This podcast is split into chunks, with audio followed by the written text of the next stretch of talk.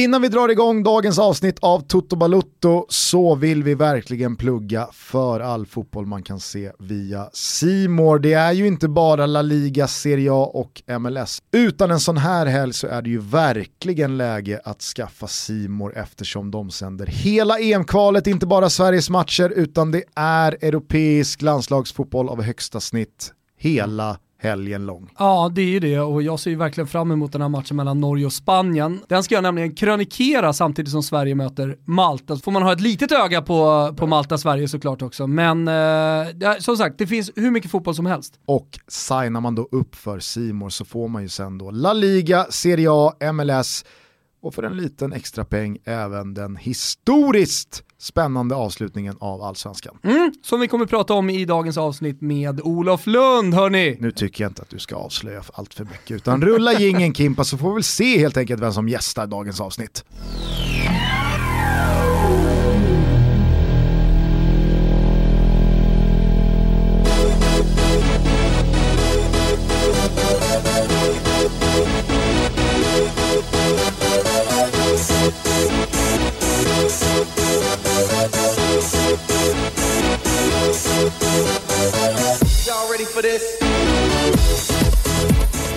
Hörni, ni ska känna er hjärtligt välkomna till Toto Balutto. De här dagarna valde jag och Thomas att beskriva som väldigt Olof Lundiga dagar. Dels så är det ju landslagssamling, det stundar två EM-kvalmatcher mot Malta respektive Spanien.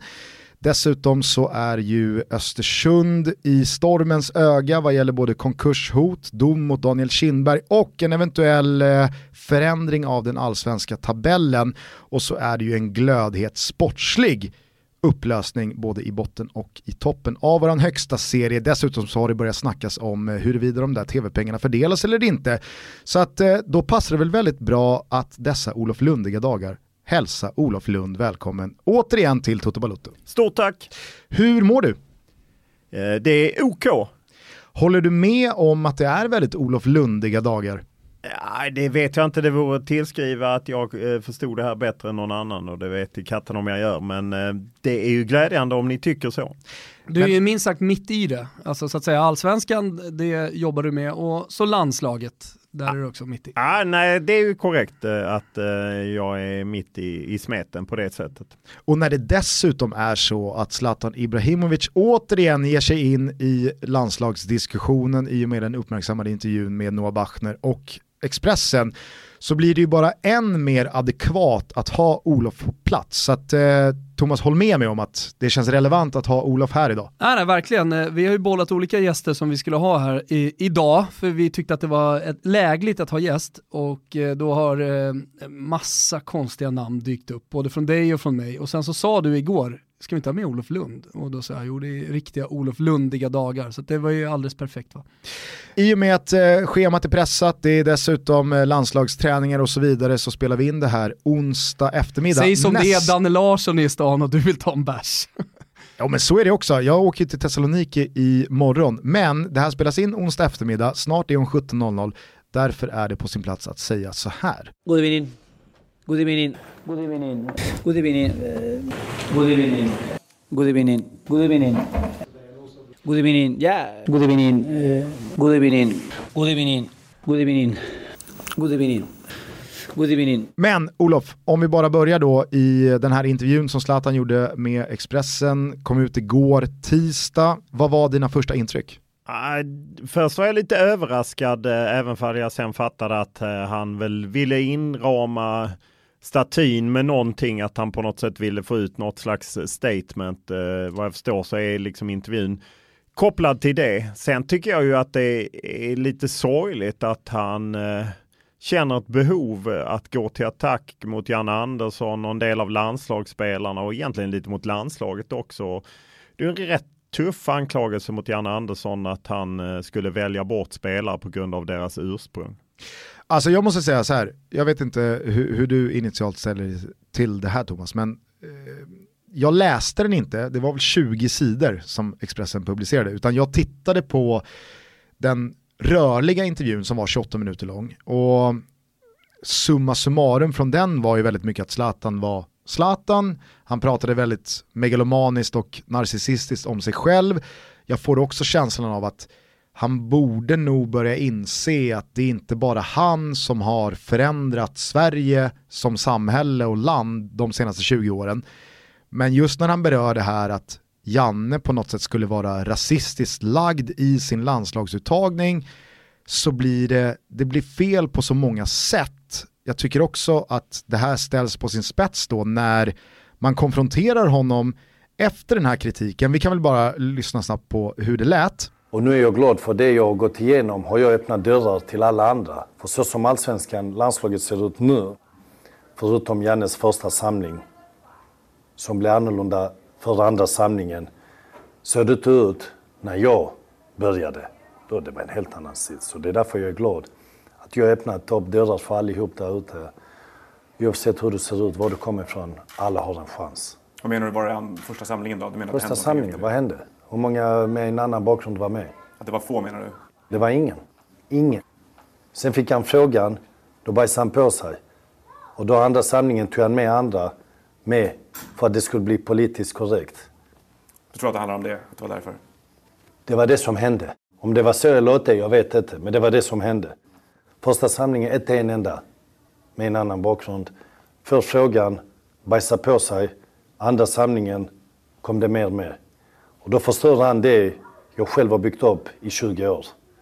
Men det är något han står för. Och då ska han stå för det. Då ska han inte ändra sig bara för att en fråga kommer upp. Och, du får, och inte att du blir smutskastad av media, utan du ska stå för det du gör. Vilket ändrar, ändrar hela hans åsikt. Men vi står alla för olika saker. När då han får eh, upplysningen om kring eh, staty eh, av förteckningen att Jimmy Durmas då var med så reagerar alltså Zlatan så här att eh, ja, Jimmy Durmas var ju faktiskt med i första truppen. Var Durmas med? Är du helt säker? Jag såg inte honom, säger Ibrahimovic förvånad. Och sen så utvecklar han, ja men det var han. Okej, okay, men jag såg inte honom. Oavsett, det spelar ingen roll. Jag har min åsikt och det är vad som hände. Alltså det, det tycker jag är bland de mest kontroversiella citaten jag har läst kring landslaget på år och dagar. Och det mest bisarra var att hela den eh, utvecklingen mellan SVTs reporter och Zlatan skedde på engelska. Eftersom presskonferensen var på engelska. Eh, ja, det har jag i och för sig noterat att det har mötts av en del kritik. Jag, jag kan ändå jag... känna så här, vad fan, Zlatan är väl en stor spelare globalt också. Och... Absolut, men han kan väl svara på om svensk, om italiensk media ställer en fråga till honom kan han väl svara på engelska. Om svensk SVT ställer en fråga till honom, då kan väl han svara på svenska. Eh, det blir ju enklare. Skitsamma. Nej, egentligen är det ju, det är ju det är ju också sorgligt att hela hans angrepp på Janne Andersson baserar sig på att han inte har koll på läget. Exakt. Mm. Uh, och det kan man väl ändå säga att vi i media är ju en del av den faktorn för att jag menar vi på Fotbollskanalen eh, fick ju del av intervjun i förväg, bland annat just det här så att vi dansade ju också med i den här cirkusen eh, så att vi är också medskyldiga. Men att vi alla dansar i en cirkus där Janne Andersson faktiskt blir anklagad mer eller mindre öppet för att vara rasist på att Zlatan inte har en koll på någonting. I den första truppen så var Martin Olsson uttagen, om man nu talar med utländsk bakgrund. Han tackade nej på grund av skada.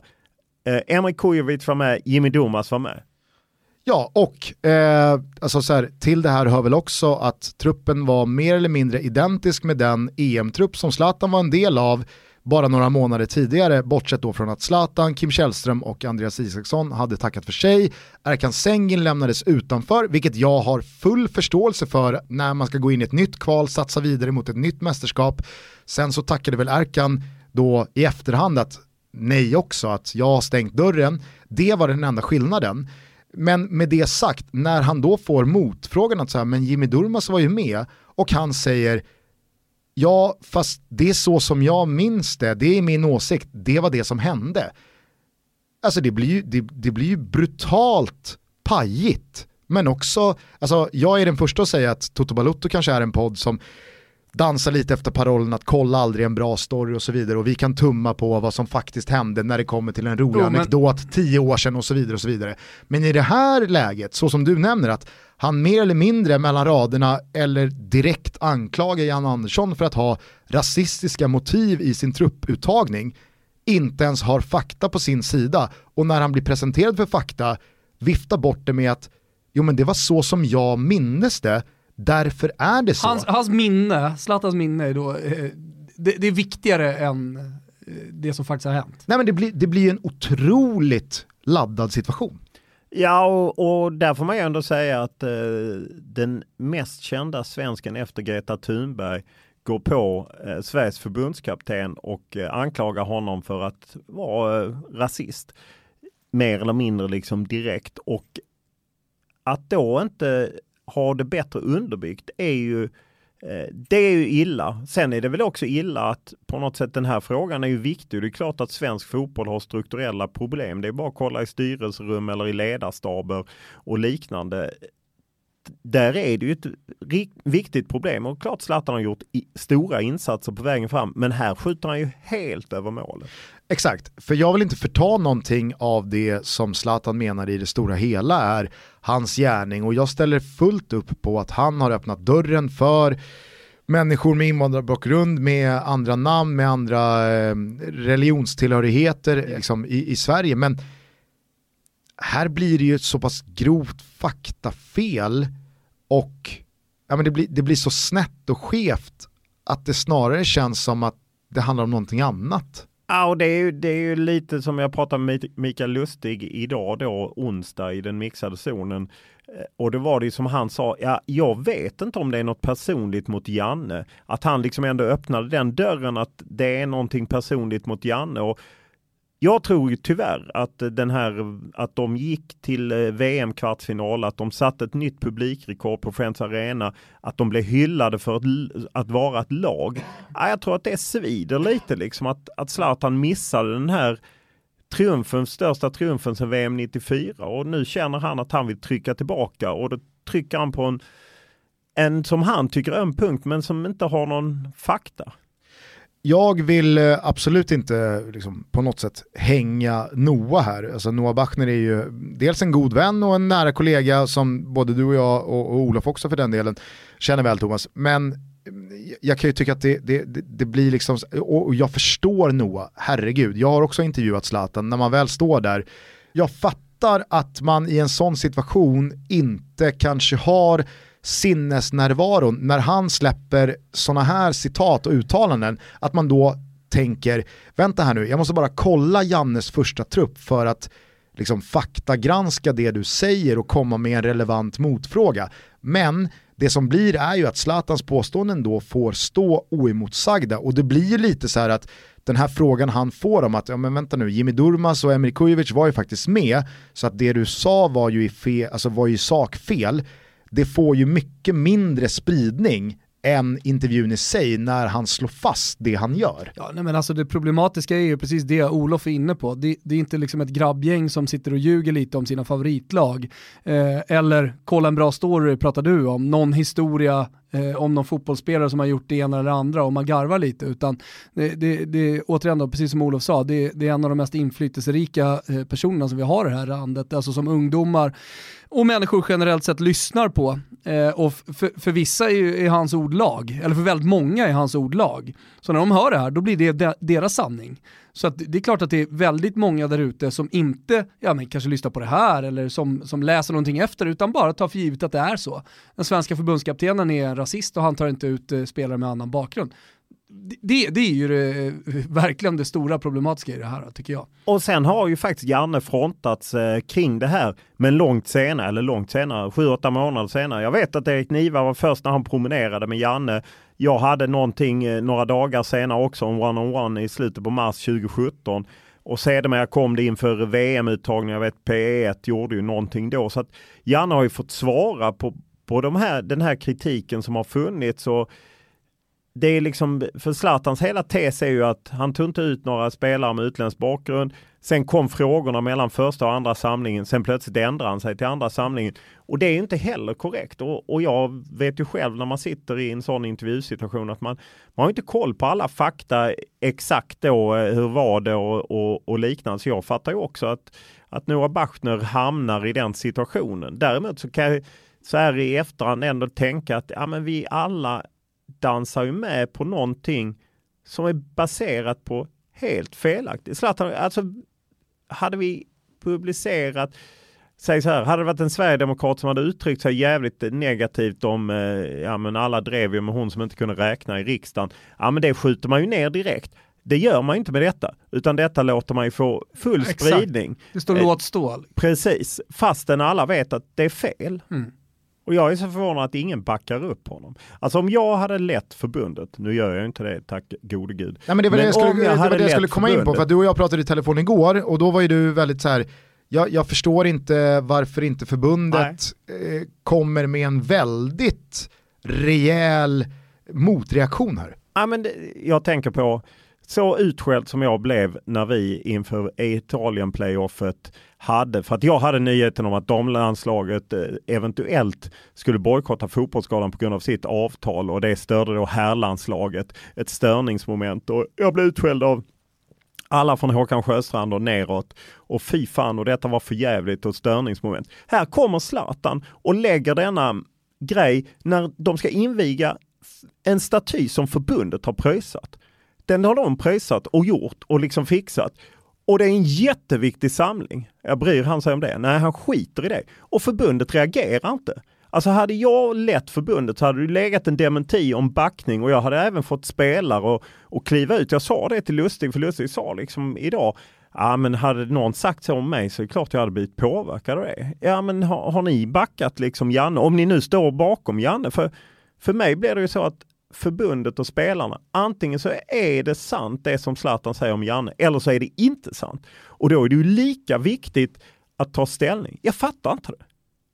Nej, det, nej, det, jag- det, det är totalt tyst. Nej, jag, såg, jag såg, eh, det enda jag sett det var typ fyra rader från Janne Andersson där han sa att det inte stämmer. Ja precis, så han ungefär. fick reda på det i förväg för han fick svara på Expressen. Och då fattar jag inte att man inte briefar spelarna, för enligt spelarna så fick, slog det ner som en bomb, sa Lustig, eh, när det kom då på, på eh, tisdag morgonen. Att man inte briefar spelarna, att man inte är proaktiva. Nej, jag fattar ingenting. Nej men inte bara spelarna utan som du är inne på Håkan Sjöstrand Ja, ja. eller Karl-Erik Nilsson. Det enda jag har så här, sett, att, man, att man inte Håkan med Sjöstrand var väl nere vid... Ja, ja, han står ju där med Zlatan på, på presskonferensen och invigning. Och det är ju sin sak. Jag har sett en kort intervju han gör med Stefan Ahlfeldt, Aftonbladet, Eh, där han säger att "Nej, men vi, Janne, tar ut truppen efter sportsliga hänsyn. Så. Men för mig räcker inte den lilla, lilla notisen jämfört med den bombmatta det är mot Janne. Och jag fattar inte att man inte backar Janne där. Och jag tycker också att, alltså nu har det framgått för mig i efterhand att det verkar skilja lite på den skrivna intervjun och den tv, alltså den rörliga intervjun. För att i den rörliga intervjun så pratar han inte speciellt mycket om Andreas Granqvist och så vidare, men just i det han säger också om Alexander Isak, varför var inte han med tidigare? Muamer Tankovic, han är bäst i allsvenskan, varför har inte han har fått chansen? Alltså där känner jag sådär, om, om, om, om man fokuserar på Alexander Isak, Tankovic, han, han har inte varit bäst i, han var inte bäst i allsvenskan när Zlatan ville att han skulle tas ut. Alexander Isak, han var i Dortmund och spelade inte, Exakt, hade inte nej, spelat alltså seniormatchen. AIK när Zlatan ville att han skulle tas ut om man får gå på hans. exakt, ska man, ska man liksom fokusera på Alexander Isak så måste jag säga att Jan Andersson tar ju ut Alexander Isak tidigare än vad någon hade Men han, kunnat han, ropa han, har gjort, efter. han har gjort en månad, en och en halv månad i Holland, fyra, fem mål. Då tar Janne ut honom. Ja, men framförallt så hade han ju fått chansen under januariturnén när Nej. han då har avslutat första säsongen med AIK. Han säljs till Dortmund, sen sitter han i frysboxen i över ett år. Men så fort han lånas ut till Holland och innan ens folk har börjat ropa på honom i A-landslaget så tar Janne ut honom till första EM-kvalsamlingen. Ja, och grejen är Så det blir, liksom, det blir så fel att använda Alexander Isak som ett exempel Mm. i det här också. Nej, jag vet, för jag tyckte att liksom Isak, med, han gjorde mål, borde vara med då i massamling och vet man fick mothugg från massa MFF som tyckte att Marcus Antonsson borde gå före och vad han har gjort i Europa League. Och, alltså precis som du säger, det var ju väldigt få som tyckte att Isak skulle vara med. Janne var ju på hugget. Han fick ju dessutom hoppa in mot Norge och gjorde avtryck Mm. liksom. Så att, nej men, och det visar ju återigen att Zlatan har inte koll. Han har inte koll på Muamer Tankovic säsong. Eh, för han säger att Muamer Tankovic var bäst i allsvenskan i ett år. Ja men det kan man inte säga att han var i höstas. Men däremot i våras och sommaren var en kanonbra. Absolut. Och så kom han med Exakt. första samlingen i, i slutet av augusti, början av september. Ja, nej, jag, jag, jag tycker att det blir liksom, det, det, det blev skevt på ett nytt sätt. För att jag kan heller inte, hur jag än vrider och vänder på det, förstå vad Zlatan vill med det här. Vad tror du? Ja, han vill med det är sådana här en uttalanden? Klassisk att eh, man ändå får en känsla av att han, eh, han vill inte bli bortglömd. Alltså för mig är det lite som han höll på med sina reklamkampanjer inom VM 2018. Eh, han, han bjuder in till för att han vill ha något som slår ner som en bomb samma dag som statyn invigs. Och han, det är ju så att det ändå blir, finns någon slags rädsla att ifrågasätta honom. Eh, för att han är så stor och ifrågasätter man honom så gör man på något sätt fel. Så han kommer ju undan med väldigt mycket på något sätt. Alla bara står och hyllar honom trots att han gör detta rätt grova övertramp. Jag får också känslan av att Zlatan på många sätt, även fast jag inte vill ta ifrån honom att han har öppnat dörrar, han har eh, det- förflyttat gränser. Det vet vi om. Jag Det vet. behöver vi inte ens konstatera. Nej, men det jag vill liksom gå emot är att det låter lite som när jag ser den här intervjun, när jag hör honom prata, när jag ser hans övertygelse om att det här är hans förtjänst och Say hello to a new era of mental health care. Cerebral is here to help you achieve your mental wellness goals with professional therapy and medication management support. 100% online. You'll experience the all new Cerebral Way, an innovative approach to mental wellness designed around you. You'll get a personalized treatment plan from a therapist, prescriber, or both in a safe and judgment free space. Your Cerebral therapist or prescriber will outline a customized plan with clear milestones along the way so you can get to feeling your best. With Cerebral, you're not alone in your mental health journey. We're here to empower you to live a fulfilling life. So take that first step towards a brighter future and sign up today at cerebral.com slash podcast and use code ACAST to get 15% off your first month. Offer only valid on monthly plans. Other exclusions may apply. Offer ends July 31st, 2024. See site for details. Hey, I'm Ryan Reynolds. At Mint Mobile, we like to do the opposite of what Big Wireless does. They charge you a lot, we charge you a little. So naturally, when they announced they'd be raising their prices due to inflation, we decided to deflate our prices due to not hating you. That's right. We're cutting the price of Mint Unlimited from $30 a month to just $15 a month. Give it a try at mintmobile.com slash switch. $45 upfront for three months plus taxes and fees. Promote rate for new customers for limited time. Unlimited more than 40 gigabytes per month. Slows. Full terms at mintmobile.com. hans förtjänst alena. Att han har liksom inte, han har inte bott i Sverige på snart 20 år. Jag tror att han inte riktigt är med på att det här landet har förändrats på så många sätt som inte har med honom att göra också. Alltså det finns, det finns fler sätt än att Zlatan Ibrahimovic har firat stora triumfer som fotbollsspelare utomlands som har gjort att det här landet har gått framåt vad gäller integration, vad gäller att eh, förflytta eh, både liksom, förståelse för och, och eh, acceptans och eh, olika, alltså så här, jättemycket har hänt i det här landet de senaste 20 åren som inte har med Zlatan att göra. Han kan inte tillskriva sig allting. Men får jag fråga dig då Olof, varför tror du inte att förbundet går ut hårdare än vad man gör emot det här? Jag tror inte att de vågar helt enkelt. För att, Ja, därför att de ändå är måna om att hålla relationen bra med Zlatan och att eh, han har ändå många supportrar fortfarande. Sen tror jag fa- han har färre supportrar idag än vad han hade förr. Men jag, ja, jag tror det och jag tror kanske också att det finns någon sån gammal, om vi inte kommenterar det så visar det att vi inte har brytt oss på något sätt. Men i det här fallet så blev ju detta någonting som la sig som en bombat över hela eh, Sverige under tisdagen och han invigde sin staty dessutom. Eh, att då inte backa upp sin förbundskapten, ja, det är för mig obegripligt när han anklagas på det sättet. och vad var din eh, känsla efter att ha varit och träffat spelarna här på mixed zone efter träningar under landslagssamlingen och sådär? Alltså, vad, var din, vad var ditt samlade intryck av vad det här har nått för konsekvenser i truppen och laget? Att det är någonting de har snackat om. Sen är det fascinerande att Gustav Svensson till exempel säger att nej men det är, vi har snackat mindre om detta än annat. Medan eh, Mikael sa att ja, men det här har vi pratat om jättemycket och slog ner som en bomb. Så det är svårt att veta vad som är exakt korrekt. Jag är helt övertygad om att det är någonting man pratar om och, och särskilt när han också riktar in sig lite ju på landslaget. Dels Marcus Berg fick ju sig en rejäl skopa, även Andreas Granqvist. Eh, och, och han menar liksom att de har levt på adrenalin fram till en VM-kvartsfinal. Det tar slut nu. det räcker inte längre. eh, ja, jag tror att det, det, är klart de har pratat om det, är klart att de känner med Janne, men så utåt sett säger man som vanligt, det här det påverkar oss inte. Och, nej, då är det är ju, jag, är, jag är förvånad liksom att de inte går ut kanske ännu tydligare och ännu eh, liksom ett, ja men visa, om de nu liksom står upp för Janne, eftersom det är liksom en väldigt grov anklagelse. För det, det känns inte som att de känner igen sig överhuvudtaget i Zlatans bild. Nej, nej, jag måste säga att jag, jag lider med Janne i uh, de här uttalandena och jag tycker faktiskt att uh, Robin Quaison uttryckte sig jävligt bra. Skulle vi ge en liten schnitzel mm. till Quaison när han då säger att men, hade någon kallat mig rasist så hade jag inte brytt mig för jag vet att inte jag är rasist.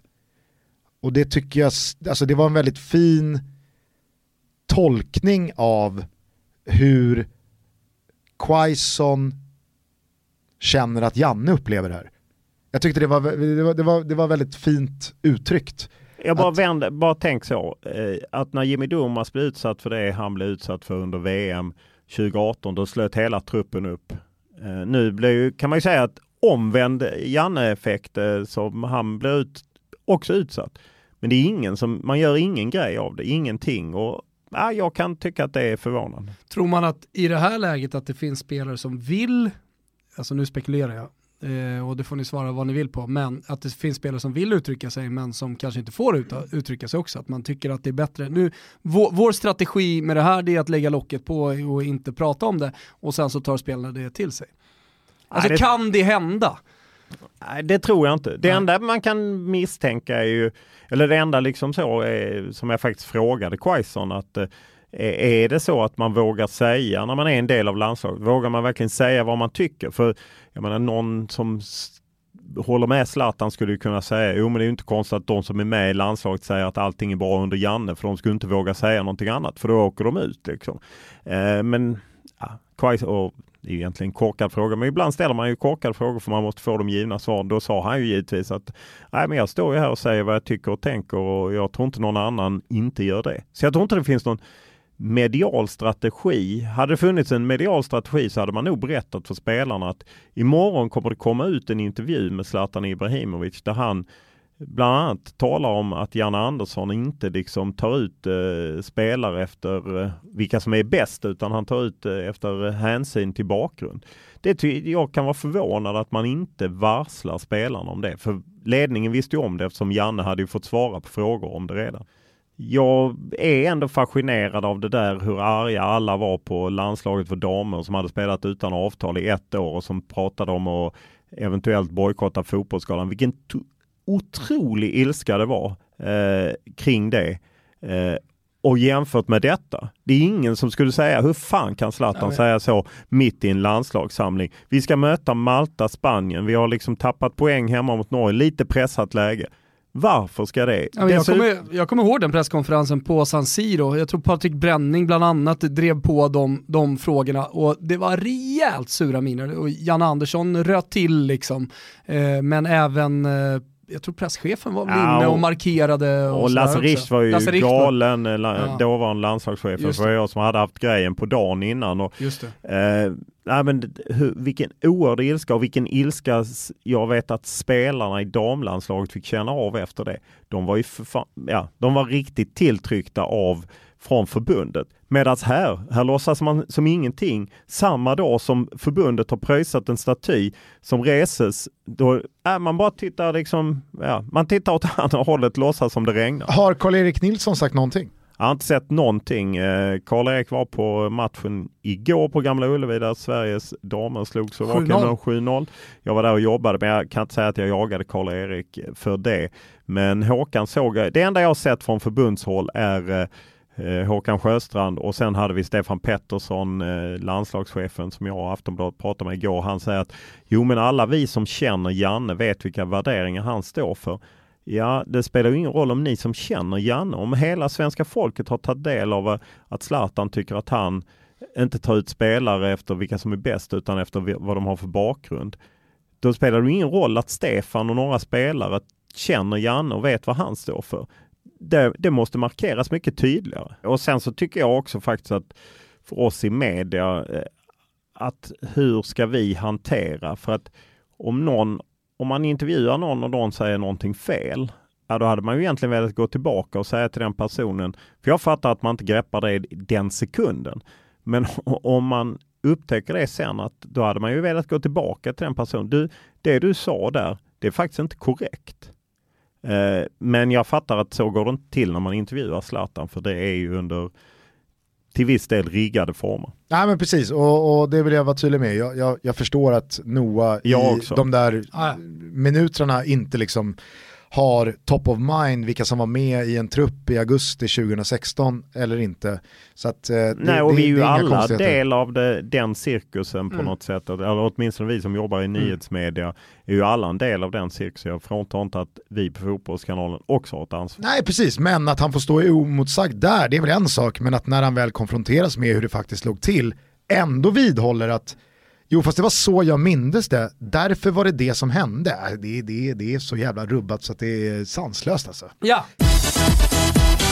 Vi är denna vecka sponsrade av BMW och eh, inte minst då deras 1-serie, vad är det du brukar säga? The one and only. the one and only, Ja. the one. Och vi chattar med den.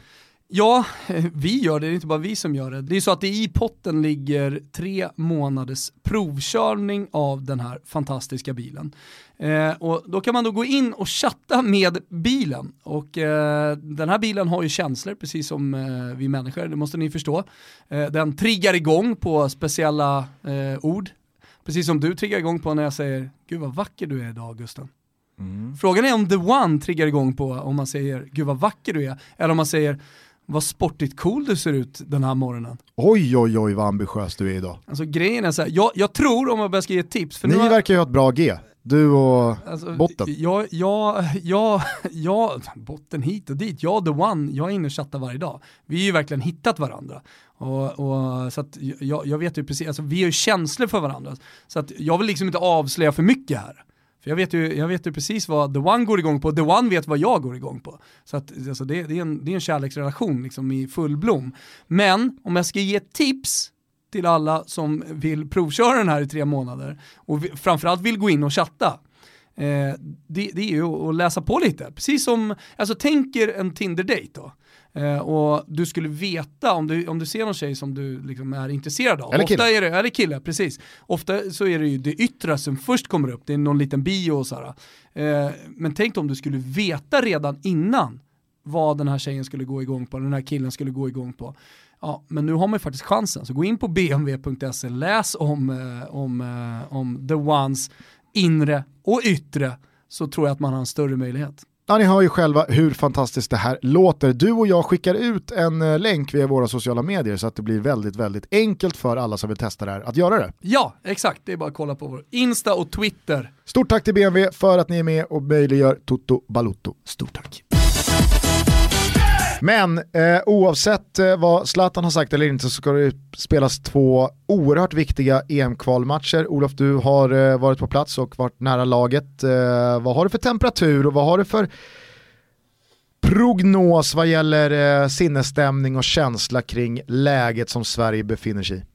Ah, känslan är väl att det ändå är rätt eh, gott humör och glatt humör och att man ändå ser att man har möjligheter att styra det här själv. Eh, det som kan oroa lite är ju att Victor Nilsson Lindelöf inte tränat alls fram till onsdag.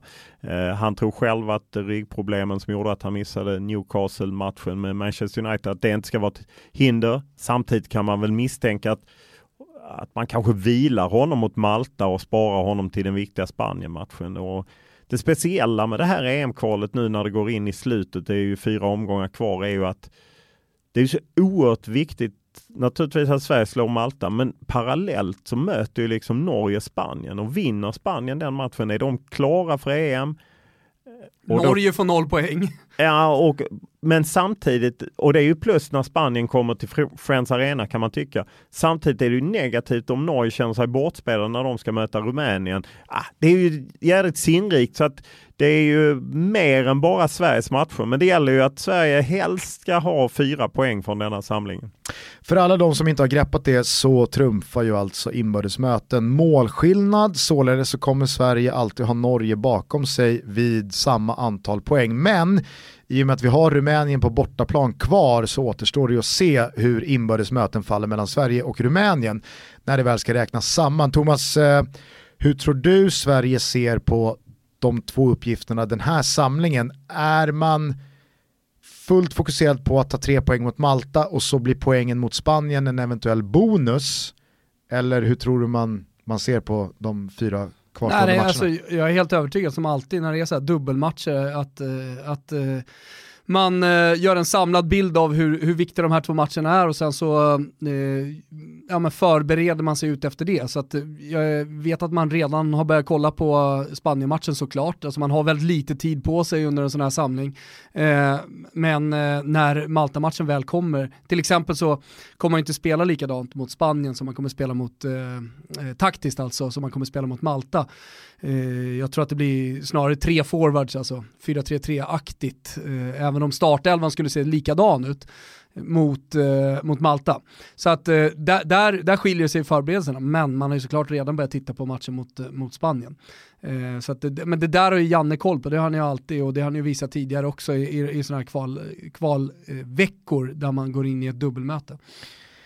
Olof, du som känner din Jan Andersson och du som känner din förbundskapten huruvida tidigare matcher och resultat har påverkat eh, laguttagningar och matchplaner och så vidare. Hur mycket tror du Janne påverkades av den diskussion som uppstod efter Spanien-matchen i eh, våras, tidigare i somras, när man förlorade ganska såklart och man ställde upp med ett defensivt balanserat lag och många kritiserade valet av att ja, men, möta Spanien med ett brunkargäng och ett försvar runt eget straffområde. Tror du att han på något sätt omvärderar det som ja, men folk bidrog med till diskussionen att vi ska möta Spanien för att ha chans till poäng med mer konstruktiva spelare med mer spansk medicin om du förstår vad jag menar. Jag tror inte han påverkas alls över det och det är viktigt eh, att flika in att Peter Wettergren har en väldigt tung roll här. Han och Janne Andersson. Nej, jag är övertygad om att de eh, håller fast vid eh, vad de tror är liksom den väg framåt. Att lite mot sådana lag så kommer det bli mer riskminimerande och mer Lagerbäck-fotboll. Eh, och eh, det tyckte de var framgångsrikt i VM och Sen var ju Jan Andersson ärlig med att under de 42 landskamper han lett Sverige så var den matchen i Madrid den jobbigaste eh, som han någonsin upplevt. Eh, och, eh, eh men jag tror inte ändå det förändrar. Jag tror att eh, han vidhåller. Sen är det klart att de har drabbats av två tunga skador. Både Viktor Claesson och Ludvig Augustinsson är borta resten av VM-kvalet eh, och eh, de var ju väldigt viktiga pjäser, framförallt Claesson framåt och Augustinsson har ju varit liksom given som vänsterback nästan hela vägen.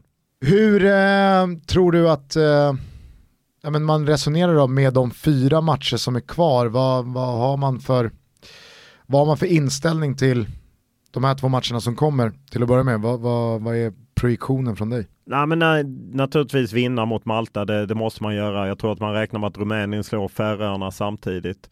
Eh, och så hoppas man ju naturligtvis på att eh, Spanien slår eh, Norge för att på något sätt såga av Norge och, och göra det lite lättare helt enkelt. Sen, nej, men sen är, handlar det om att göra en sån bragdinsats eh, som man ju har sett Sverige göra mot Frankrike hemma, Italien hemma, där man ju faktiskt visat att man kan slå lag eh, på hemmaplan, även om det är lite tur eller eh, det där, men att jag, jag tror att det är, det är målsättning att, och jag kan tänka mig att man kanske vilar Albin Ekdal, man kanske vilar Victor Nilsson Lindelöf i Malta-matchen för att sedan spela dem mot Spanien istället.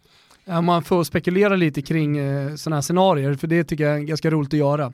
Alltså, matchen som eh, vi spelade mot Spanien i Madrid, det var en helt annan karaktär och jag tror att vi kommer få se, se ett helt annat Spanien.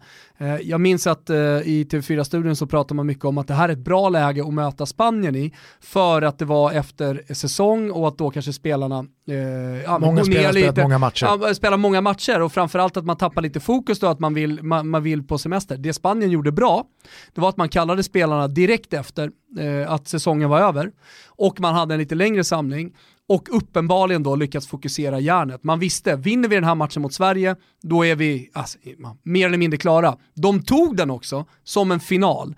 Och som Janne sa själv då, det var en av de tuffaste matcherna som han har spelat, eller kanske den tuffaste matchen som han har spelat.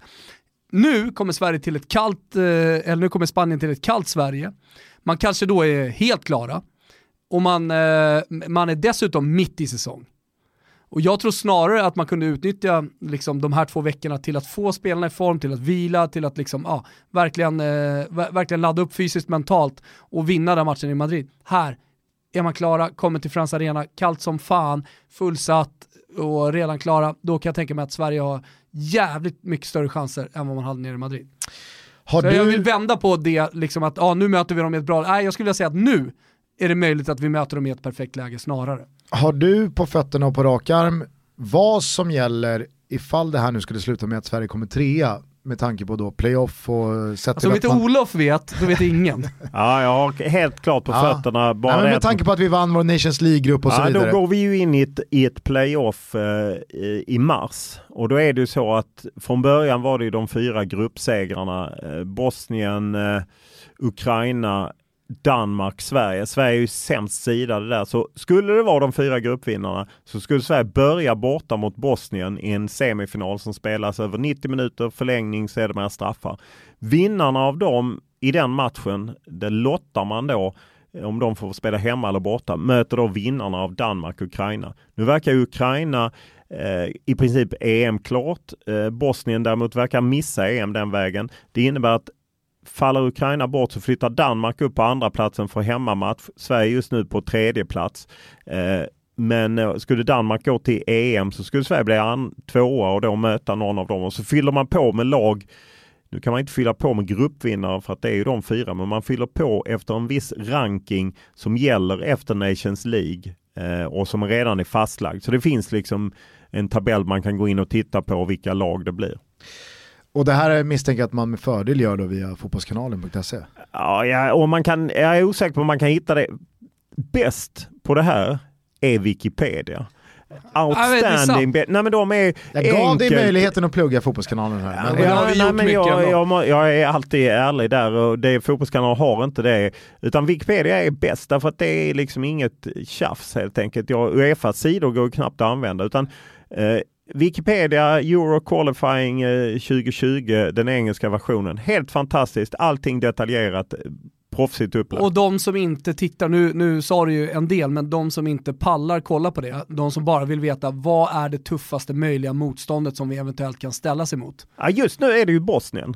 Eh, Och, bo- om vi vinner mot Bosnien, Ja, då blir det ju i så fall eh, vinnarna av Danmark, eh, Ukraina. ja eh, men det, det, det är den, det Det, spannet men vi snackar. grejen är att eftersom Ukraina redan är klara så kan det, då ser det ju ut som att det blir Danmark-Sverige i första playoffet borta mot Danmark och sen så ska vi då möta vinnarna av Bosnien mot kanske, jag kan inte det. Men det finns faktiskt i min blogg, om jag nu ska plugga fotbollskanal, jag har gjort flera sådana genomgångar exakt vad som gäller just att det är eh, målskillnad eh, som gäller när det är eh, Fifa, men Uefa nu, då är det inbördes möte. och men jag tror att det räcker för ihåg ganska här- många just det här, vad, är det för typ av motstånd? Ja, och vi ska väl komma ihåg att när det nu återstår fyra matcher så har vi Malta på bortaplan men vi har också Färöarna på hemmaplan kvar. Så att, Och Om vi- Rumänien borta i Bukarest. Det är Exakt, ju så den att- riktiga och- risan, 15 november. och, och det vill jag slå fast att med tanke på Norges spelschema som är kvar, de ska möta både Rumänien men framförallt Spanien.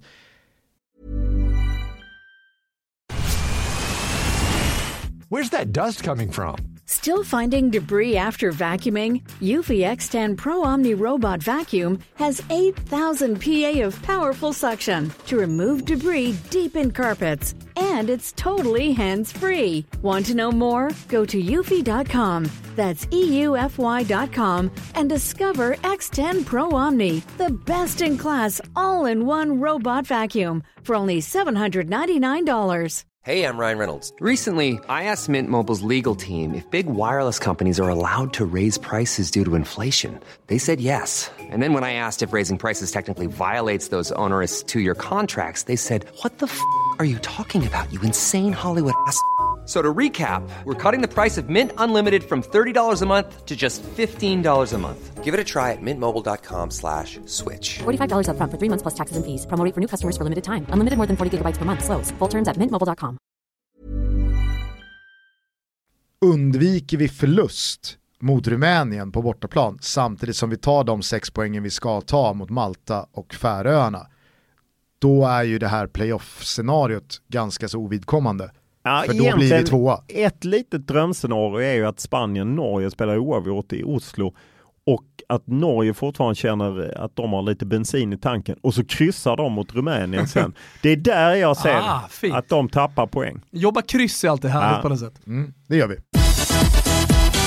Vi är denna vecka sponsrade av CDLP och vanligtvis så brukar det här vara en hyllningskör till deras kalsonger. Men eftersom vår har blivit sommar har blivit höst och temperaturen börjar krypa sig ner mot nollan så skulle vi vilja prata lite extra om CDLPs Long Johns. Jo, jo, men alltså du ligger och slaggar eh, halva morgnarna vet du Gusten och Tompa han går upp klockan sex och sen så ska barn skjutsas, de ska lämnas, sen är det fotbollsträningar. Alltså det finns ingen bättre vän. Människans bästa vän är hunden brukar det talas om. Min bästa vän det är mina långjalingar och vet du vad, vad man vill ha när man eh, har långjalingar på sig? Nej. Jo, man vill ha ett skönt material Gusten. Alltså jag, jag är liksom allergisk mot eh, material som inte ligger skönt mot huden. Och jag har ju tidigare haft eh, framförallt då kalsongerna, men nu får jag den stora äran att ha på mig det här materialet över hela benen och det är fan en dröm! Vad är det för material då? Det heter Lyocell och det är precis så fantastiskt som det låter. Är ni fortfarande inte övertygade? Ja men för fan, testa det då. Och då kan man göra på två sätt. Man kan gå in på cdlp.com eller i deras butik på Stureplan om man bor i Stockholm. Eller har vägarna förbi huvudstaden? Ja, ja, exakt. Eh, och så säger man Toto Balutto om man är inne i butiken. Det är väl bara, det är kul att bara kunna göra det. Och så får man 10% rabatt.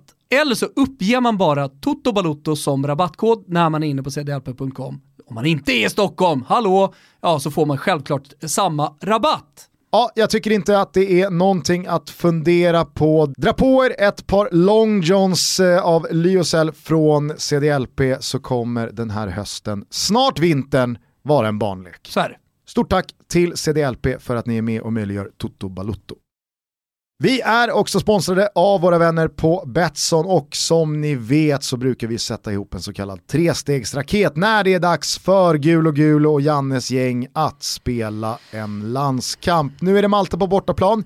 Vi tror på svensk seger, en bekväm sådan. så att, eh, det är vi, inte vin- spelet dock. vi vinner ju med två mål, det är ju det är ju ett av tre ben. Ja, ett av tre ben eh, att vi vinner med två mål eller mer ska sägas. Vi tror också att Malta kommer göra allt för att stoppa Sverige således, dra på sig en del gula kort. Nu när vi har ett snabbt och vi tror ju också på att det kommer vara ett ganska offensivt framåtlutat Sverige. Så över 3,5 gula kort på Malta-spelare. Yes! En av målskyttarna för svensk del ska också Ah, jag vet det heta här. Emil Forsberg. Ja, alltså jag känner så starkt. Nu, nu kliver han fram här. Granen i all ära, vi tror att Foppen tar straffarna Så- dessutom. ja, så att, eh, favorit på eh, Forsberg-mål. Jajebuxingen. Den här eh, trippen hittar ni som vanligt under godbitar och boostade odds på Betsson.com. Rygga med 148 kronor så slänger jag och Thomas in en eh, fin t-shirt från Nakata som kicker. Det gör vi. Hashtag Toto-trippen hörni. Det är bara lägga in ett spel. Det här kommer gå vägen. Stort tack till Betsson. Ja, Ja. Tompa Wilbacher eh, knäcker en liten höstpepsi, Mm. eh, tar den mot munnen, Jajamensan. sänker en klunk Mm. och gör sig redo för nästa akt. Då. Eh, bortsett det landslagsmässiga Mm. så står vi ju inför, nu får vi nästan kalla in då, Nestor Olof Lund, en historisk allsvensk guldstrid. Kan du erinra dig en Nej. avslutning på allsvenskan som är så här intrikat och eh, delikat? Nej, det kan jag faktiskt inte. Alltså det var ju hösten 2001 men eh, när det var ju tre Stockholmslag, Djurgården och eh, AIK och Hammarby var involverade i en kamp. Och det har varit några tajta kamper men aldrig så här att liksom tre Stockholmslag och, och Malmö och dessutom där det är lite inbördes möten, både Hammarby tar emot Malmö och Malmö ska ta emot AIK. Nej, det är ju helt fantastiskt inom eh, två lag på 56 och två lag på 59. Det är, eh, nej, det är underbart. Vad är din eh, känsla? Ja, jag brukar alltid svara på det att eh, om jag hade vetat det så hade jag inte haft det här jobbet för då hade jag levt på spel. Eh, men jag har ju sagt Malmö hela tiden och jag tror lite på Malmö eh, men de, kan, de har ju det tuffaste spelprogrammet av alla med först Hammarby borta och sen AIK hemma. Men jag, jag, Malmö är ju mitt originaltips och det kan man inte släppa. Ja, alltså, vi har ju pratat om det här eh, i de eh, senaste avsnitten och jag tycker jag, eh, liksom, det, är, det är väl ingen hjärnkirurgi eh, eller raketforskning att varje omgång kommer ju vara väldigt bestämmande för utgången. Jag tror att vinnaren, om det nu blir en sådan... Det, det är därför av... vi säger också att det är så spännande, det är, det är en sån avslutning. Just för att varje omgång, då kan allting kastas om. Nej men såklart, och, och om det nu blir en vinnare mellan Malmö och Bayern den vinnaren ser jag som förmodligen SM-guldvinnare. Samtidigt som jag känner, ja, tappar Djurgården poäng mot Blåvitt, då kan jag se Djurgården bli fyra. Alltså det blir väldigt mycket steg för steg. Ja, och där kan man ju känna, jag kan känna snarare att om, om jag satt i Djurgårdens spelarbuss på väg till Göteborg på söndagen och ser att Hammarby slår Malmö, då hade jag ju känt yes, för då har man ju världens chans. Eh, med tanke på att vinner man då mot Blåvitt så har man ju tre poäng upp mot Hammarby. Medan om man har om jag hade suttit i Djurgårdens buss och sett att Malmö slog Hammarby, då hade jag tyckt det var lite pressande. För då vet jag att vi ligger efter målskillnaden. Nu är vi efter tre poäng och vi går in i Göteborgsmatchen. Eh, du är ju gammal eh, Expressen-arbetare. Thomas ja. är en nuvarande Expressen-arbetare. Om jag bara får fråga er så här då, om, om vi pratar getingar. Hur många getingar skulle ni säga att det fortfarande diffar mellan de fyra guldkandidaternas säsong eh, sett till hur de slutar? Alltså Djurgården kan gå från fem getingar till, skulle en fjärdeplats vara tre getingar då eller? Är inte ändå en fjärdeplats för Djurgården, för i min värld så är en, en fjärdeplats för Djurgården fyra getingar helhetsmässigt. Men det blir ju lite samma känsla som Hammarby förra året. Man är topp tre hela säsongen och så på sista halvtimmen eller sista 60 minuterna, vad det nu var man förlorade mot Östersund, trillar man ner på fjärde. Det är klart att det svider, men helhetsmässigt för mig är Djurgårdens säsong minst fyra, uppemot fem. Vinner man är det sex getingar och Glenn Hysén-klass, Wembley 1988. Innan du då kommer in då Thomas så säger jag så här, man leder serien i princip hela säsongen, man torskar alla fyra derbyn, skulle man då sluta fyra, kan det bli fyra getingar då? Ja, men man får ju alltid utgå ifrån vad det finns för, för eller vad Djurgården har haft för förutsättningar oavsett vilket är lag eh, man pratar om så är det ju så. Och Djurgården, om man kollar på den truppen som man har, man skulle väl visserligen kunna liksom höja upp några spelare, det får man alltid göra i efterhand. Det man tror innan är inte alltid sanningen. Så Danielsson till exempel har ju visat sig vara fem getingar och man kanske trodde innan han var jag vet inte, vad, ni, som, ni som har bättre koll, men hur pratar man om Danielsson innan den här säsongen? Tre, fyra, fyra getingar kanske? Ah, fyra i varje fall, för han gjorde ju väldigt, han kom in som någon slags stand-in eh, förra säsongen och gjorde ju oerhört starkt förra säsongen. Så att han var väl lite högre status även för att han fått ännu bättre status mm. denna säsong. Men det var ju ingen, så, ska man det var ingen, får jag bara säga det, det var ingen som förväntade sig den här säsongen av Marcus Danielsson. Nej, Absolut och nu är han med i landslaget och, och, det är skithäftigt alltihopa. Alltså, alltså, om man skulle bryta ner de här getingarna och verkligen göra en analys av Djurgården sett till förväntningarna så kan man kolla på vilka spelare som har överpresterat och sen kollektivt då, vad, vad har de gjort för säsong. Och då tycker jag att det är ganska många spelare som trots allt har överpresterat om man jämför med den konkurrensen som finns i, tropp, i toppen. Och därför skulle jag säga att Djurgårdens säsong är absolut över, eh, Expressens tre getingar är ju bra och fyra getingar är mycket bra och fem är världsklass. Då, då skulle jag säga att så här, Tolles och eh, Kim Bergstrands jobb har ju lite oavsett vad så, så, så är de uppe och snurrar på fem getingar eh, för, för liksom hur de har jobbat med materialet. Eh, och det någonstans ligger som grund för helhetsbetyget och då, då säger jag att det är svårt att inte ge Djurgården fyra getingar. Ja fast just när det kommer till Djurgården då måste jag ändå säga att... Sen är det fotbollsresultat, det handlar om en sak, det handlar om att vinna. Ja. Så i slutändan, ja, jag håller med dig. Man förlorar fyra derbyn och man kommer fyra då utanför Europa, ja. Ja, fyra svaga, tre plus någonstans där då. Jag mm. vet inte. Nej men det som är anmärkningsvärt med Djurgården det är ju faktiskt att jag, jag håller inte med dig, jag tycker att det är väldigt få spelare i Djurgården som har överpresterat, utan det är ju laget som har presterat på en nivå ingen riktigt trodde. Ja, det är faktiskt en spelare som har underpresterat bryter man, i ner in, bryter man ner individuellt så skulle jag säga att ja, det är Marcus Danielsson och Tommy Vaiho. Det är de som har verkligen överpresterat Jag tycker Jonathan Ring har varit Ja. väldigt, väldigt bra också måste jag säga. Men, bättre än vad jag hade räknat med. Karlström, Ulvestad. Jag tycker det är fler spelare. Vittry har gjort en dundersäsong. Ja. Vittry. Från och till. Ja, och Vaiho är ju också, det är ju sån osannolik eh, historia. Jag säger att Vaiho och Danielsson, det är de som verkligen har överpresterat över, nu är vi 27 omgångar spelade. Men, men, Men gjorde man- liksom inte narr av flera av de spelarna som skulle gå in i den back, backlinjen eh, liksom tidigt på säsongen? Hur ska de klara sig med, med liksom den här backuppsättningen? Eh, tänker på vänsterbacksposition. Alltså så här, det, det, det, det är klart det måste finnas överprestation där. Det vet ni bättre än mig, liksom, vilka, vilka spelare Och om man inför säsongen skulle säga att efter 27 omgångar så kommer Djurgården ligga tvåa på samma poäng som Malmö. Och det utan att Erik Berg har varit med mer än en Ja. del i början. Astrid Ajdarevic har gjort en assist eh, och eh, den här norske PK Bråtveit petades i somras. Ah, det, det är faktiskt helt osannolikt. Ja, nej, jag säger, och jag vill verkligen inte förta någonting från spelarna i Djurgården. Jag säger bara att Djurgården som lag, Men gillar inte du Har- Djurgården?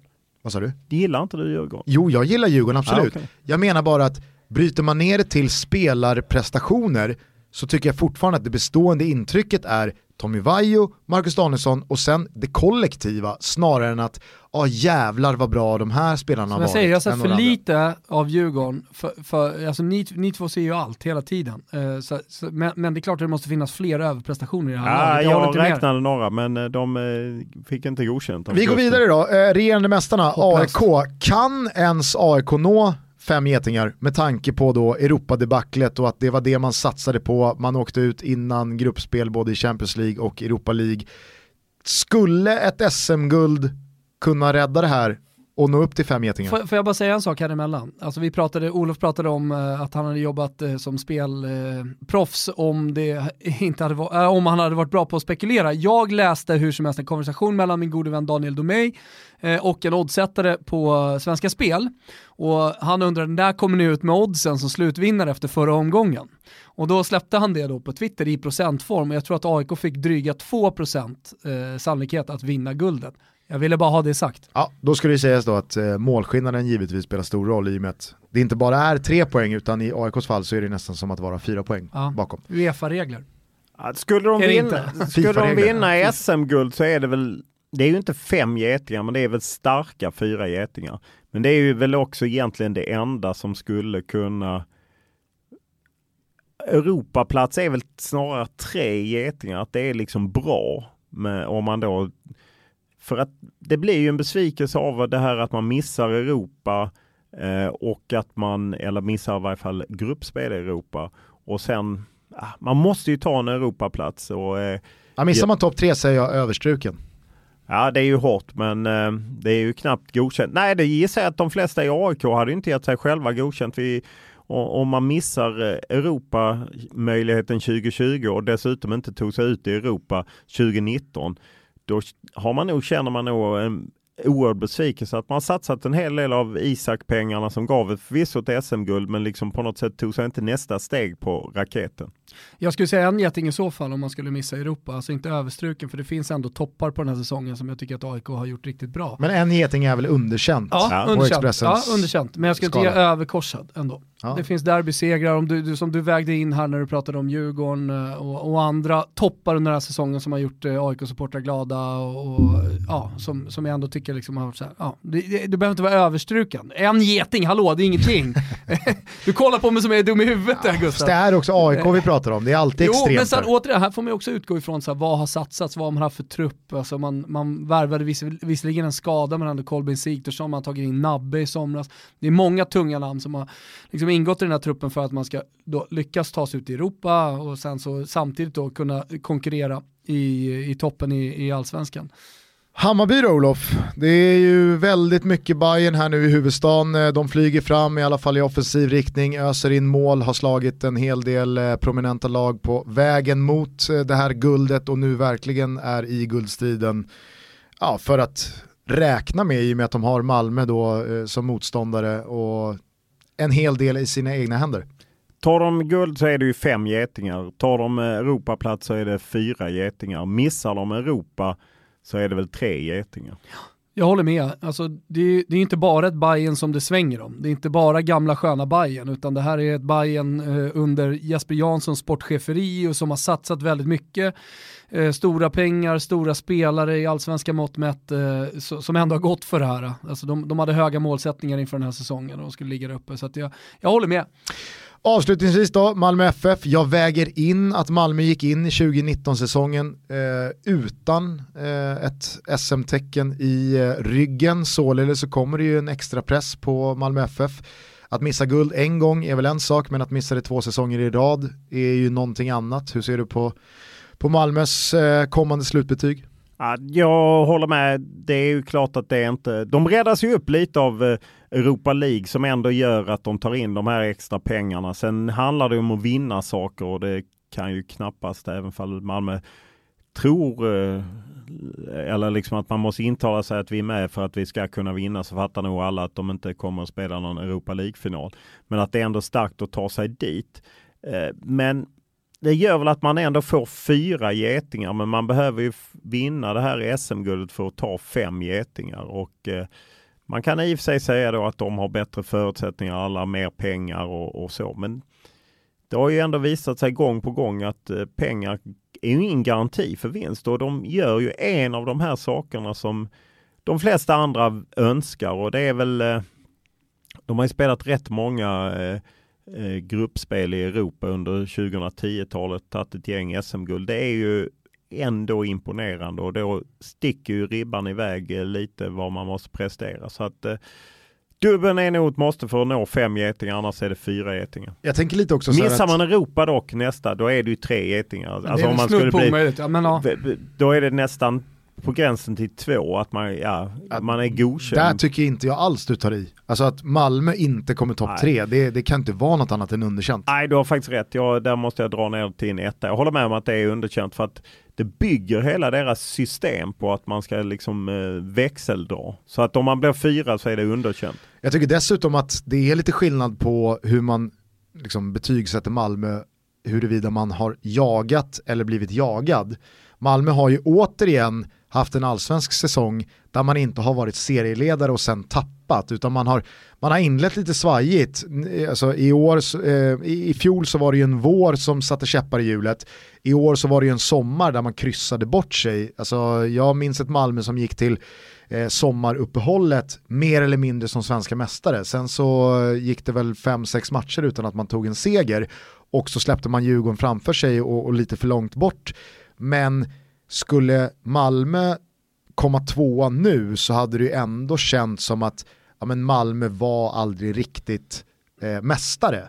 De har ju inte, de har inte sumpat en första plats jo. så som Djurgården Ja, det har jag sumpat har, en första plats. Ja, men om man ser hur många straffar de har missat. De missade en straff mot Djurgården bland annat när de förlorade hemma. Alltså hade de satt två av de, eh, vad är det, sju, sex eller sju straffar de har missat. Sex de missade. Eh, hade de satt två av de straffarna så hade de eh, haft eh, grepp om, eh, om läget. Ja, då hade det varit avgjort. Precis, så att för mig har de ju ändå sumpat lite genom att bränna så många straffar. Ja, men det är skillnad tycker jag ändå i historieskrivning att man har bränt straffar och man har som i Djurgårdens fall då, lett serien i vadå, 15 omgångar och sen så vinner man inte. Eller som i fjol då med Hammarby som ligger på Europaplats i typ 29 omgångar och 67 minuter och sen missar man Europa.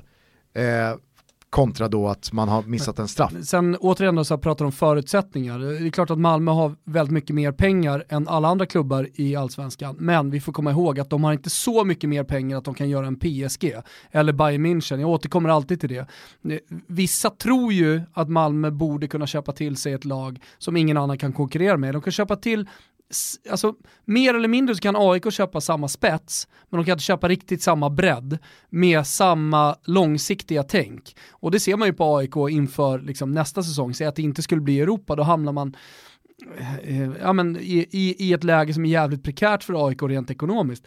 Eh, kollar man på Malmö så kommer man kunna överleva det på ett helt annat sätt, även om det såklart är en jävla missräkning. Men, men det, man, man, kan liksom inte förvänta sig att Malmö, som vissa gör, att Malmö bara går och vinner guldet bara för att de har 300 miljoner mer. För att när du ska upp på nästa kategori spelare, för att köpa till dig den eh, konkurrensfördelen och edgen, ja, men då börjar du prata om spelare som, liksom, alltså det, det, de behöver ännu mer pengar för, för, att, för att komma dit. Så där, därför, så här, hittills, ja men tre, fyra getingar i allsvenskan plus Europa. Alltså det här ska man vara, det är bra. Det är liksom, ja. Men, men, men sen Europa då som höjer det ytterligare, så just nu ligger man på fyra getingar, vinner man SM-guld, ja men då är det solklara fem, annars eh, stannar på Europaplats så, så är det fyra. Fast jag, jag tycker att eh, när man eh, bedömer Djurgården, alltså om man är supporter så kan jag fatta att man eh, blir förbannad att vi ledde så länge och så vann vi inte. Men jag tycker att man måste liksom backa lite och se att ja, man hade Djurgården spurtat sig till en tredje plats efter en stark höst så hade man tyckt det var kanon. På samma sätt som om Hammarby hade liksom inlett svagt och sen spurtat sig upp till en fjärdeplats så hade man ändå tyckt att det var okej okay med tanke på vad man har gjort tidigare. Jag tycker att man måste behålla det i perspektivet. Man kan liksom inte säga Djurgården har överpresterat och även om de har varit i ledningen en massa eh, omgångar så betyder inte det med automatik att de ska vinna. Nej, absolut, men det blir ju såklart en annorlunda process att Ja, där är jag som smälta. en tränare. Det är 30 omgångar. Okej. Om vi eh, bara skiftar lite fokus då från eh, toppen av allsvenskan, det här är ju fyra klubbar som eh, mår relativt bra, så finns det ju en klubb som verkligen sticker ut i negativ bemärkelse, det är Östersund. Ehm, det finns väl egentligen två olika men ändå parallella spår här att bara ta upp och när vi har Olof Lund som gäst så måste man ju fråga, om vi börjar i Daniel Kindberg-case så har jag uppfattat det som att eh, Rättegången är avslutad, vi väntar på dom här i början på november. Vad är de potentiella utfallen? Nej men alltså åklagaren vill ju ha fyra års fängelse på, på Daniel Kindberg och sju års näringsförbud eh, och dessutom att man ska betala pengar tillbaka och även de andra två är ju liksom fängelse och liknande.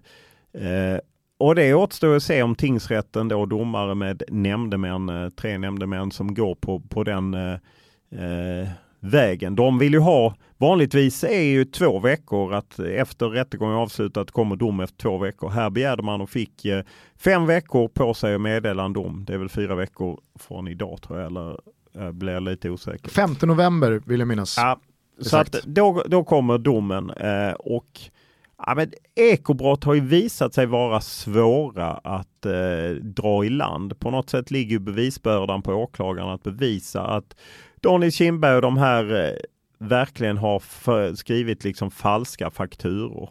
Medan de hävdar att det här jobbet har gjorts men att det har betalats med svarta pengar och man har fått isel och allt vad det är. Väldigt osannolika historier kan man ju känna från sidan. Men det återstår att se hur, hur nämndemän och domare kommer att tolka det. Sen kan vi ju alla räkna med att det kommer gå vidare i hovrätten. Eh, att eh, om åklagaren inte får rätt eller om Kindberg och kompani blir fällda så tror jag att de kommer överklaga och då kommer det gå ett varv till. Så att eh, det kommer dröja ett tag innan liksom, det vinner laga dom. Det är ju däremot en oerhört solkig och sorglig historia eh, som framkommer. Men på just det här spåret, vad skulle en fällande dom innebära för Östersund? FK ja, om, alltså. om det framkommer, jag tror att om, om det liksom, om det fälls, om Daniel Kindberg fälls och man liksom kan vi, påvisa då att på falska grunder har pengar liksom flyttats från eh, egentligen Östersundshem och Pehab via hans eh, Eh, affärskompanjons företag in då som sponsorpengar. Ja, men då tror jag att man kanske att det svenska fotbollsförbundets representantskapsmöte som tar sådana här beslut. Då tror jag att man kommer eh, flytta ner eh, Östersund en division. Det ska dock sägas att representantskapsmötet är ju en gång om året och det är i november. Till dess kommer liksom inte domen vara avklarad. I tingsrätten ja, men inte i hovrätten. Det vill säga att jag tror att man på representantskapsmötet då kommer besluta hur ska vi hantera det här. Eh, och Sen kanske man kallar in ett extra representantskapsmöte för att besluta om det här. Men jag tror att om Kindberg fälls för den här brottsligheten och man liksom kan påvisa att Östersund har fått hjälp av det, då tror jag att klubben kommer att bli nedflyttad. Och hur mycket hand i hand går det här skulle du säga med de ekonomiska ja, vad säger man, svårigheter man har satt sig i? Nej men det är ju klart att det hänger ihop därför att Daniel Kindberg som ju då var en stark man som styrde och ställde väldigt mycket och har själv, själv pumpat in pengar. Det svåra är ju att det, det är ju som alltid med idrottsföreningar väldigt svårt att få insyn. Eh, och jag tycker det är liksom alla supportrar som eh, klankar på mig och andra sportjournalister för att vi är idioter, eh, för att vi inte har hittat det här. Så kan man ju veta hur gick det till när det hamnade i tingsrätten? Jo, Skatteverket granskade flyttfirmor rent generellt i Jämtland, hittade den här flyttfirman, tyckte det var konstigt att hälften av intäkterna gick in i Östersunds fotbollsklubb och då började man titta på det. Så att och det, det, är ju så att skattemyndigheter och polis har helt andra tvångsmedel än vad vi journalister har. Och det, finns inget som är svårare att få insyn i än en klubb eller en, ett förbund eller så. Jag kan ju fortfarande inte ta reda på vad förbundet har betalt för en tränare. Det friskriver inte oss. Det är klart vi ska granska dem och Sundsposten har gjort ett fantastiskt jobb. Det är bara höja lokalpressen. Men det finns ju ett överhängande konkurshot ja. här. Eh, vad, vad, skulle det i sådana fall innebära? Och var står vi där? Vad, jag ska bara ta det ja. i, i, land, liksom att det är klart att Daniel Kindberg som då har puppat in pengarna, han mer och mer kopplas bort från klubben. Och han, det här är en klassisk fälla som AIK har gått i och Helsingborg har gått i. Man är ute i Europa, man tjänar massa pengar. Man drar på sig massa kostnader, bygger upp kansli, värvar dyra spelare, betalar höga löner, allting. Och när sen intäkterna bara dyker, ja då är det otroligt svårt att stoppa det tåget. Det ledde ju till att AIK fick jättesvåra ekonomiska problem. Helsingborg gick ju i princip i konkurs om inte kommunen räddade dem med ett villkorslöst eh, lån. Detta gör ju att liksom Kindberg har ju, dels har han ju lätt, han har hjälpt dem upp till toppen med möjligtvis fuffens då, men han har också skapat den här kostnadskostymen som nu håller på att dra ner dem. Och det är också lite svårt att veta därför att presskillen eh, Niklas Lindstrand säger att det är ingen fara, vi kommer få in pengarna, det löser sig. Styrelseledamöter skriker att eh, vi är på väg att gå konkurs, vi måste ha pengar nu. Det är väldigt svårt att veta och det räcker ju faktiskt med att några leverantörer kräver betalt och eh, Östersund har inga pengar och kommunerna har skjutit upp 1,7 miljoner, man har 1,4 miljoner i i skatteskulder och ah, det här går snabbt. Det kan sluta i konkurs vilket innebär då att går de i konkurs innan den 2 november så kanske allsvenska tabellen måste räknas om. Och hur eh, bedömer du den sannolikheten? Och vem beslutar det i slutändan? Ja men går de i konkurs så eh, då finns de inte längre. Det är det, det är som clear hände med case. Ja, ja, liksom. det är som hände med Tyresö FF i, i allsvenskan för damer. Och det finns ingen som kan rädda dem heller? Jo, det finns alltså man kan ju tänka så här om vi bara säger att det, det skulle gå i konkurs i nästa vecka, mm. vilka är de stora förlorarna? Ja, det är ju Hammarby och Djurgården som fortfarande har Östersund kvar att möta. Det vill säga att ja, Djurgården skulle... har ju mött dem eh, båda gångerna, men tagit sex poäng. Ja, just det, så är det ja. Således så har ju AIK och Malmö då, eh, de har ju bara tagit fyra poäng. Och Hammarby har väl kvar dem att möta? Ja, exakt, Hammarby har de kvar i omgång 29. För, för grejen är att Malmö får ju en match till godo. De har ju tappat poäng och har ju plötsligt en och match AIK till godo. också. AIK får en match till godo. Så man kan ju misstänka att det finns ju ett intresse i Hammarbys och Djurgårdens fall att de inte går i konkurs. Exakt att de kanske kan skjuta in lite pengar för att hålla dem vid liv, i varje fall över den 2 november. Menar, Hur skulle den transaktionen se ut? Ja, Via diesel eller Hongkong Nej, men jag menar, Djurgården har ju tagit 6 poäng av Östersund, Bayern har inte spelat sitt andra eh, möte mot dem, medan AIK och Malmö båda har 4 poäng mot Östersund. Ja. Så att, skulle de gå i konkurs och man stryker dem från eh, tabellräkningen, att alla då ska ta 6 poäng mot dem eller att alla får 0 poäng, ja, då ska ju AIK och Malmö ha 2 poäng mer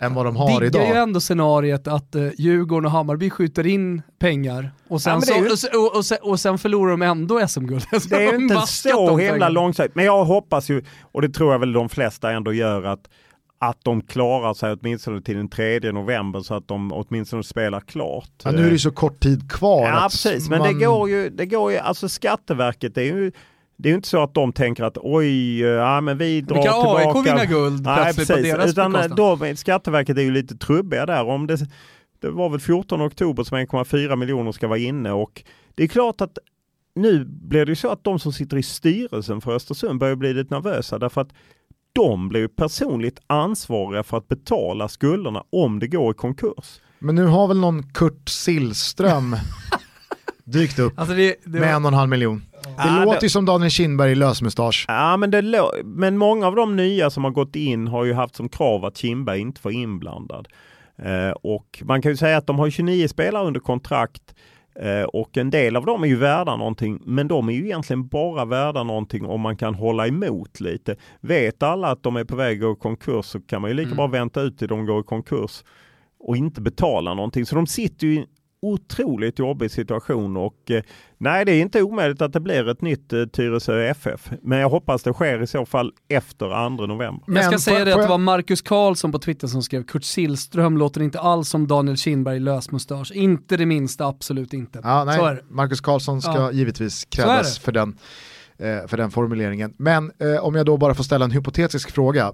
Om det nu är så att ÖFK går i konkurs av ekonomiska skäl, Ja, det finns inga andra skäl. Nej, men stryks då alla potentiella eh, straff för ÖFK i fallet Daniel Kindberg Ja. i den rättegången? Ja, För det är ändå då meningslöst. det är meningslöst. Utan då får ju de börja om det och åker de ju långt ner i seriesystemet medan man kan säga att straffet som kan ske om förbundet beslutar sig för att straffa dem då är det max en division ner. Så konkursstraffet är ju mycket, mycket hårdare. Där trillar man ju ur liksom långt ner i seriesystemet, 4, 5, någonting sånt. Och- Utanför eh, liksom, ja, förbundets system. En annan då eh, högst adekvat fråga är då om det nu är så att eh, ÖFK löser ekonomin för att eh, behålla sportslig licens för 2019 men på en sportslig grund åker ur. Parallellt då så döms Kindberg och man flyttar ner ÖFK en division. Utgår man då från att ÖFK är allsvenska eller då superettan-mässiga i och med att man har åkt ur allsvenskan? Ja, det här kan, jag kan inte detta regelverket, men för mig vore logiken att man naturligtvis, när man väl straffar klubben så utgår man ju inte från eh, att de var allsvenska en gång i tiden, utan då tror jag att man flyttar ner dem från den division man befinner sig Mm. då. Så att säga att de trillar ur i år och sen så nästa år vinner laga, domen laga kraft och Daniel Kindberg anses ha hjälpt dem på ett felaktigt sätt och representantskapet beslutar sig för att flytta ner dem. Då tror jag att de flyttas ner från där de är. Men det här är ju, jag är inte ens säker på att förbundet helt kan redogöra för att det här är liksom, det är ju helt ny materia. Det är inget, liksom regelverket är inte riktigt gjort Nej, för men, det här. och, alltså, där kan man ju bara gå tillbaka till den fotboll som jag har följt närmast, alltså den italienska fotbollen. Alltså, det, det har aldrig funnits något klart regelverk. Där har ju, ned, där har ju eh, hundratals klubbar gått i konkurs de senaste tio åren i de professionella serierna. Och man vet aldrig hur domen ska bli. Det finns inget tydligt... Eh, eh, eh, alltså, Prejudikat. Nej, det, nej det, finns det, det finns det väl egentligen, men och nu pratar vi om Italien och Sverige, men det blir alltid Alltså man måste gå på det caset och försöka använda sig av de lagar och regler som man har. Och eftersom vi inte har varit här tidigare så vet vi inte vad som kommer hända. Och det är till och med då svårt i ett land där det sker liksom 20-40 konkurser per år i, i de professionella serierna. Så det är, alltså bara för att förstärka det Olof säger, hur, hur, alltså, alltså hur svårt det är att spekulera i vad, vad som eventuellt kommer hända i vissa Och scenarier. jag tror, jag tror inte att Östersund har sådär jättemånga vänner. Alltså det är en rätt ny förening, väldigt ny på elitnivå. Det är ju liksom inte som att det händer en klassisk klubb som har olika förankringar på olika sätt i fotbollsrörelsen. Det har inte ÖFK. Så jag tror liksom att deras skydd är, är minimalt om det väl, om skiten väl träffar fläkten på allvar. Avslutningsvis då, om jag frågar dig så här, med alla tänkbara scenarier i, i, eh, i, i pipen här, alltså det kan gå åt olika håll, det ska överklagas hit och dit och så vidare och så vidare. Hur bedömer du sannolikheten att Östersund spelar i allsvenskan 2021? Finns ens Östersunds FK 2021? Ja, jag är väldigt tveksam till om Östersunds eh, fotbollsklubb finns 2021. Eh, jag tror att eh, de som nu sitter i styrelsen, de kommer försöka rädda sitt eget skinn.